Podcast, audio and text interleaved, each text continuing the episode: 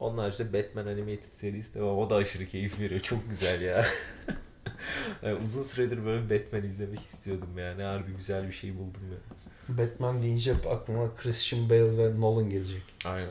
Ya Yani orada benim etmiyorum. ama bak en iyisi Jim Gordon. Geri Jim- Oldman. Ha. Ben bu kadar iyi bir Jim Gordon görmedim ya. Çok iyi. Hayal meyal hatırlıyorum ama evet. Biraz daha şey normal çizgi roman ve animasyonlarında Jim Gordon daha en az Bruce Wayne kadar kütleli. Yaşlı olmasına rağmen. Çok daha yaşlı çünkü şeyden Bruce Wayne'den.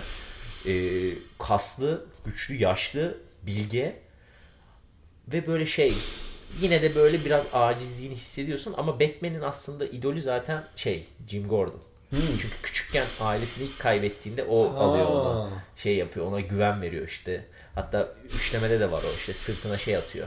Ceketini koyuyor. Evlat işte sana bakacağım falan filan tarzı böyle bir konuşma geçiyor. Her zaman idolü de aslında Jim Gordon falan.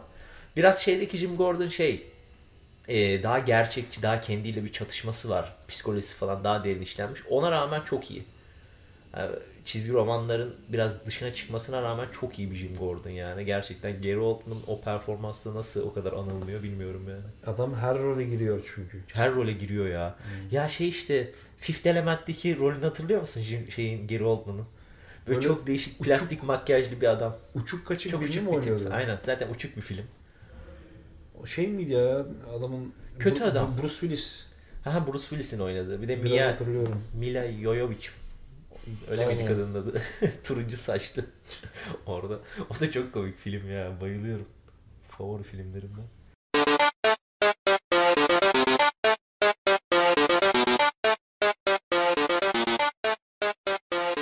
5x5'in yeni bir bölümünden hepinize merhabalar. Ben Mehmet Can Özen. Ben Cemre Karapınar.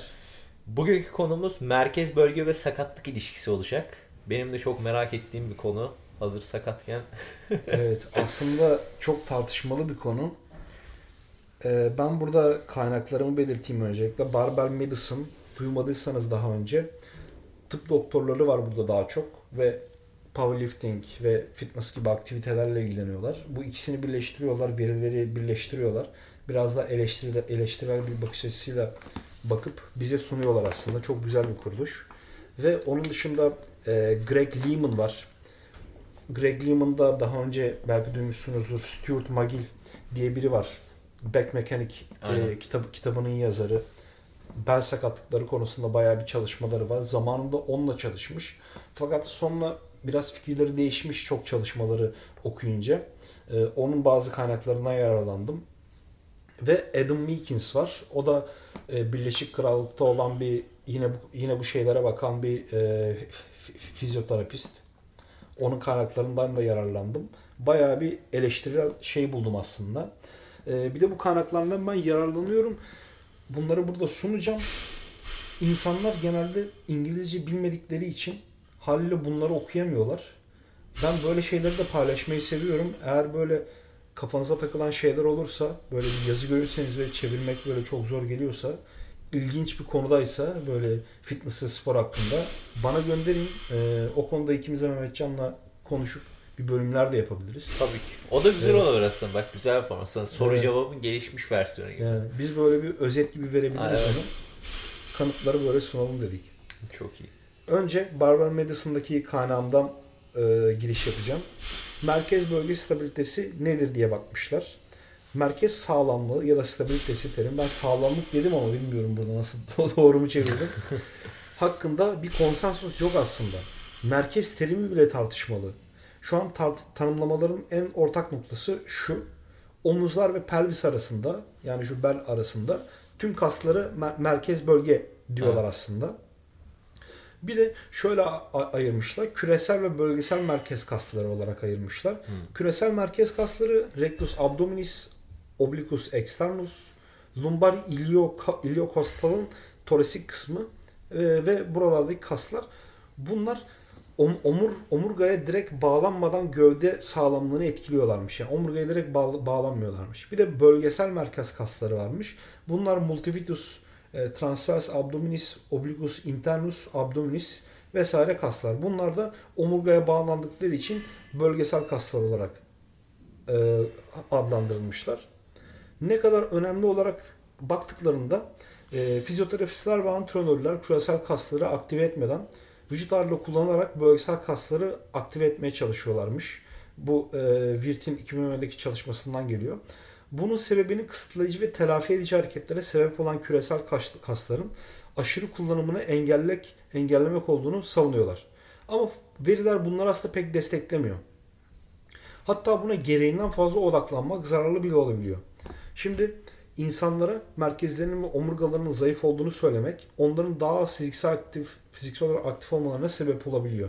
Yani sen e, bir hastan sayıda bir danışan, danışanınsa senin buran az çalışıyor o yüzden şu şekilde sakatsın şuran boyunda düzleşme var vesaire şeyler söylemek aslında hastayı çok negatif etkiliyor. Evet. O yüzden burada e, sağlık sağlık konusunda yardım eden danışılan insanların kelimelerinde daha seçici ve tavırlarına biraz daha dikkat etmeleri belki daha iyi olabilir. Çünkü düşünsene sana doktor diyor işte dizin şöyle olmuş bir daha squat yapmaman evet, gerekiyor. Ki birebir yaşadım yani. Evet yani.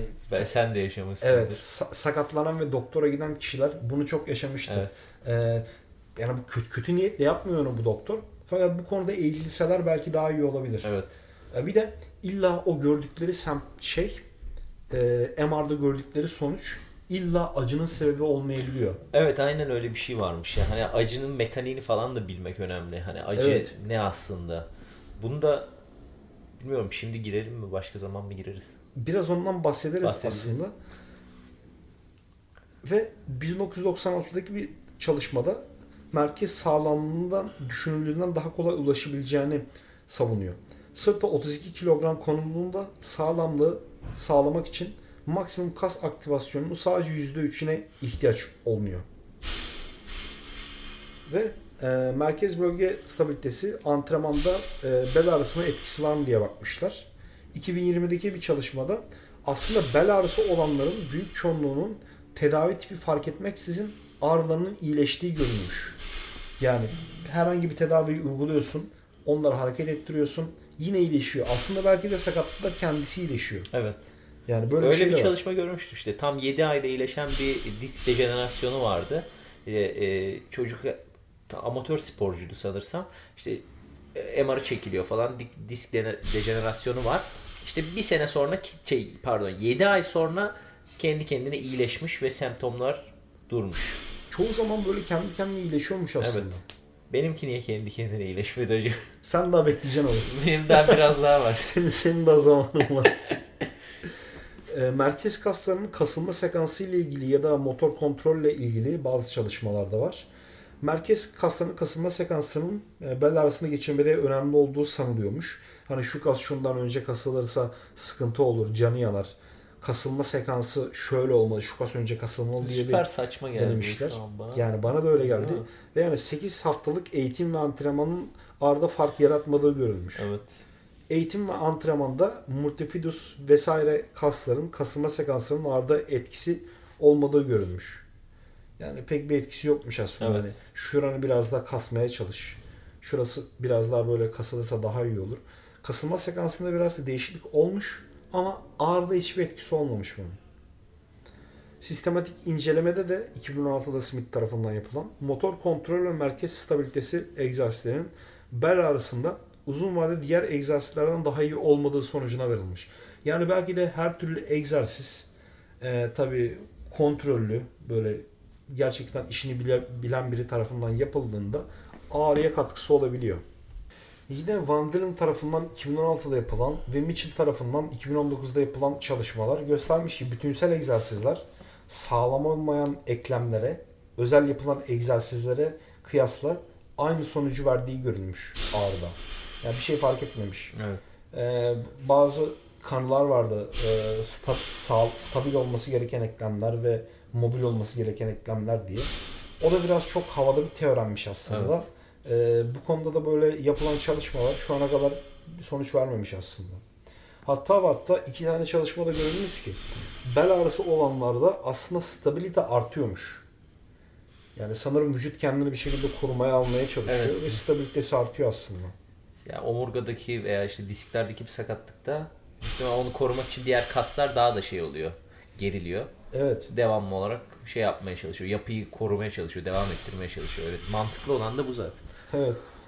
Ee, ve başka bir çalışma bakmış ki omurga stabilitesinin bel ağrısına sebep olduğuna dair kanıt yokmuş. Ve aynı çalışmada Reeves şuna benzetmiş aslında e, stabiliteyi. Uyurken nasıl nefes alıyorsak ona benziyor demiş. Evet. Hareket ederken kendiliğinden nasıl oluyorsa fazladan efor sarf ederken de e, omurga bir şekilde kendini stabil ediyor. Zaten bunu vücut yapıyor. Senin öyle ekstra kasmana gerek yok demiş. Hmm. Ve- Ya burada karşı tez yarattığımız şey, olay merkez bölgeyi güçlendirelim de bel ağrılarımız geçsin, sakatlıklarımız geçsin. Evet ve yani genelde şöyle yapıyorlar onlar.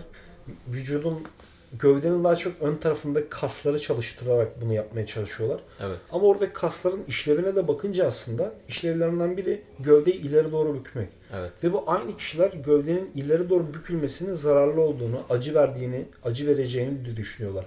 aslında burada kendi içlerinde çelişkiye düşüyorlar. Evet. Burada bir çelişki var aslında. Evet. Yani eğer gerçekten orayı sağlam tutmak istiyorsanız ve bükülmemesini istiyorsanız eğer gerçekten böyle bir şey varsa daha çok arka taraftaki kasları çalıştırmak lazım. Evet. Bel kaslarının o yani e, omurgayı böyle biraz daha uzatılmış pozisyonda olan kasları çalıştırmak daha iyi olabilir. Eğer bu şekilde düşünüyorsanız ve bu şekilde yapmak istiyorsanız. E, buradan yine şeye geçelim. Spor performansının etkisi var mı diye. Bir çalışmada şuna bakmışlar. Hem dinamik hem de statik merkez stabilite egzersizlerinin sağ bazı fitness testlerine etkisine bakmışlar. Neymiş bunlar? Ee, sağlık topu fırlatma, dikey sıçrama ve 20 metre sprinte katkısı olmamış. Yani. Sonra dayanıklılık sporcularını çalıştırmışlar merkez stabilite egzersizleriyle. Performanslarında biraz artış görülmüş. Ee, ama zemin tepki kuvvetinde ve bacak stabilitelerinde bir fark görülmemiş. Yani örneğin şeyi de çok yaparlar. Bu merkez bölgeyi çalıştırınca bacakların içeri kaçmaz. Bacakların içeri kaçmazsa daha sağlıklı olursun diye bir sav var. Evet çok saçma. Evet. ne alaka?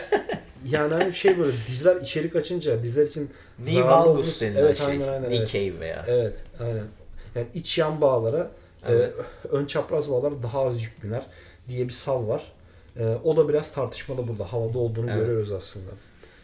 Bunlar her şeyi merkez bölgeye bağlamaya çalışmışlar Evet, gibi. evet, evet. Yani insanoğlu aslında böyle her 10 yılda bir yeni bir şeyler moda oluyor ya. Aha, Merkez bölge fetişi de bu 10 yıldır var büyük ihtimalle. Evet. Yani ama dayandığı bir şey yok. Aslında şey şu an kalçalar da çok öne çıkıyor. Allah. Allah. Onunla ilgili mitler de var. Yani hep böyle tek bir şeyi insanoğlunun doğasında var sanırım. Hep böyle sorunları tek bir şeye bağlamaya çalışıyoruz. Evet. Tek bir noktaya işaret etmeye çalışıyoruz. Halbuki sorun genellikle çok daha kompleks. Tek bir noktaya Aynen bakmamak çok lazım. doğru. Ee, Genelde ağrı da çok kompleks bir şey veya Evet, acı da çok evet. kompleks bir şey. Hani sen zaten en başta da değindin. Ben burada tekrar etmek istiyorum onu.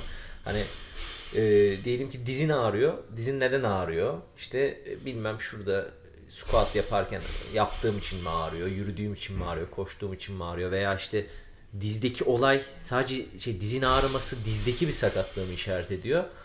Bu aslında çok karmaşık bir şey. Hani belki sakatlığın dizde bile olmayabilir gerçekten. Bunu da biyopsikososyal modelle açıklıyorlar. Evet. Bu ne demek biyopsikososyal? Ağrı çok ağrı ve acı çok karmaşık şeylerdir. Ee, biyolojik olabilir bunun sebebi. Psikolojik, Psikolojik etkileri olabilir. vardır ve sosyolojik etkileri de vardır. Evet. Yani çok böyle basit bir şey değil aslında. Evet. Bir sürü şeyden etkileniyor diyebiliriz. Sonra Swiss topu antrenmanının koşu ek- ekonomisine etkisine bakılmış. Swiss topu ile egzersizler yaptırmışlar. Sonra VO2 Max'a koşu ekonomisine ve koşu koşu duruşuna etkisine bak bakmışlar. Fakat bunlarda hiçbir şekilde bir katkı görünmemiş. Hiçbir şey değişmemiş yani. Bu dayanıklılık sporcularında da, kısa mesafe koşucularında da. 2012'de yapılan bir sisteme, sistematik inceleme de var. Merkez bölge antrenmanını da içeren genel antrenman programının yaptırıldığı 179 makaleye bakmışlar. Epey büyük bir sistematik inceleme. Çoğunda bar yapmak, squat, dikey sıçrama gibi kuvvet ve güç ölçüm- ölçümlerine bakmışlar ve bunlarda artış görülmüş. Evet. Fakat tüm çalışmalarda merkez kuvvet ve stabilitesi artışı gözlemlenmemiş. Yani burada aslında iyi olabileceğine dair kanıtlar var. Ama bu bütün vücut kuvvetlendiği için mi yoksa sadece bunlara bağlayabilir miyiz? Onu bilmiyorum. Yani burası kuvvetlenince evet performans biraz artıyor ama her şeyi de bununla çözmek yanlış olabilir. Evet. Oraya bakmamak gerekebilir. Sonra Mannion 2012'deki çalışmasında kronik bel ağrısı olanlara merkez egzersizi kullanımının karın fonksiyonuyla ilişkisi olmadığını bulmuş. Yani karın kasları böyle az çalıştığı için kronik bel ağrısı oluyor kanısına bu biraz karşı aslında. Sonra başka bir çalışmaya geçiyoruz. Burada ön çapraz sakatlığı olanlar olmayanlara kıyasla daha az izometrik merkez kuvvetine sahip. Yani e, burada aslında merkez kuvvet merkezi kuvvetlendirmenin iyi olabileceğine dair bir kanıt da var aslında. E, bu yani ön çapraz sakat, sakatlığı olanlarda daha az merkezleri kuvvetliymiş. Bu bununla belki de ilişkili olabilir. Ama olabilir. ilişkinin derecesi nedir onu bilmiyoruz. Diş sakatlığı olan kadınlarda olmayanlara kıyasla daha az propriosepsiyona yani vücut farkındalığına sahipmiş. Ve e, sakat sporcuların sinir kas bağı sakat olmayanlara kıyasla daha düşük. E, yani merkez merkezi belki kuvvetlendirmek bu sakatlıkları önlemek için belki birazcık kanıta sahip olabilir aslında. Evet. Ama bunun kuvveti, e, bu kanıtın kuvveti çok fazla değil aslında. Ama yine de bir tane çalışma var. Yine bu merkezin iyi olabileceğine dair. 48 erkeği almışlar. 16 kontrol deneyi. 32 tane merkez dayanıklılık antrenmanı yaptırılan denek. E, antrenman grubunun e, diz valgusuna yani diz içeri kaçmasına, kalça addüksiyonuna e, bak, bakmışlar. Ve antrenman grubu yani merkez antrenman çalışanların bu diz valgus ve kalça addüksiyon düşmüş. E, sonra rectus abdominis, erector spinae yani belin arkasındaki kaslar, beldeki kaslar, hamstring, quad oranı, vastus medialis yani bu quadricepslerin iç kısmındaki kas ve vastus lateralis e, bunların birbirine oranına bakmışlar. E, ve bu oranlar artmış. Yani rectus abdominis biraz daha fazla çalışmış. Hamstringler biraz fazla çalışmış. Ve vastus medialis aktivasyonu daha fazla çalışmış. Ee, bu sonuçlardan ön çapraz ve ve benzeri alt vücut sakatlıklarının azaltılabileceği sonucuna varılmış. Ee, burada yine biz verileri veriyoruz fakat yani bunlar etkisine kadar o hala tartışmalı. Evet. Bunu söylememiz lazım. Yani bu sporcular aslında belki de bütünsel antrenman da iyi gelebilirdi. E, merkez bölgesi üzerinde ne kadar durmak lazım? Ekstra efor sarf etmek gerekir mi? Bunlar hala soru işaretleri. Yani merkez bölge izolasyonu olarak düşününce bence mantıksız. Zaten temel hareketlerde e, merkez bölge de kuvvetleniyor. Hem de daha kazançlı olabilir. Niye squat yapıyorsun diyelim ki. İşte hem quadricepslerin kuvvetleniyor hem merkez bölgen kuvvetleniyor. E, ama yani bunu izole etmek ne bileyim karın kaslarını izole etmek falan bana mantıksız geliyor o açıdan. Bana da. Ee, ya benim bunlardan yola çıkarak bir vardığım bir sonuç var. Ee, bel arasını gidermede bütünsel egzersizlere kıyasla daha iyi olduğuna dair bir kanıt yok. Evet. Sakatlık önlemeye etkisi biraz tartışmalı. Evet. Ee, sprint ve kuvvet performansına etkisi var. Hı hı. Ama çok fazla değil. Şimdi bunlar benim vardığım sonuçlar. Ee, tabii siz bunları benim sunduklarımı düşünerek belki farklı sonuçlar da verebilirsiniz. Ee, herkes burada düşünmeli. Hani bir şey diye bakıyoruz hep. Siyah ve beyaz diye bakıyoruz her şeye. Aslında gerçek gri alanda bir yerde, ikisinin arasında bir yerde ve durumdan duruma değişiyor büyük evet. ihtimalle. Yani şimdi benim de bu e, merkez bölge acaba performans, sporcu performansı nasıl etkileyebilir diye düşündüğümde aklımda gelen şey e, hani zaten burada sprint performanslarına bakmışlar. Acaba hani zıpladığında havadayken nasıl bir etkisi oluyor diye bir düşündüm. Hani ben de biraz kendi şeylerime bakmaya çalıştım. Tecrübelerime basketbol oynarken havada çünkü havada da ayakların yerden kesildiğinde de bir mücadele veriyorsun. Ne bileyim top çalmaya çalışıyorsun, blok yapmaya çalışıyorsun, smaç vurmaya çalışıyorsun. Yani orada da bir mücadele söz konusu. Benim hani e, tam kesin bir şey söyleyemeyeceğim. Acaba sadece merkez kuvvet, bölge kuvvetim yoksa bütün vücudum kuvvetlendiği için mi böyle oldu? Ama işte e, kor antrenmanları ve işte e, diğer kuvvet antrenmanlarını yaptıktan sonra havadaki yani ayağım yerden kesildikten sonraki alanda daha kuvvetli olduğumu ve işte havada kendimi daha iyi kontrol edebildiğimi fark etmiştim. Ama senin de dediğin gibi yani bunu kesin olarak söyleyemeyeceğim. Yine de şeylere bakmak lazım bence. Yani diğer basketbol oyuncularına, Amerikan futbol oyuncularına ve atletizm sporcularına. Bence o alanda biraz daha araştırma yapsalar daha etkili sonuçlar bulabilirlermiş. Çünkü havadayken ne oluyor durum? Bence birçok spor açısından da önemli. Olabilir. Tabii spor bilimi her geçen gün gelişiyor. Bununla ilgili çalışmalar da zaten şu an sürüyordur. Evet. Merakla okumayı bekliyoruz. Ben de bekliyorum. Keşke bunu araştırsa. ben diyor. yani çünkü ne bileyim bir atleti sadece yerde sprint atarken performansına bakman önemli değil ki. Bizi dinlediğiniz için çok teşekkür ederiz. Bir sonraki bölüme kadar kendinize çok iyi bakın. Görüşmek üzere. Görüşmek üzere.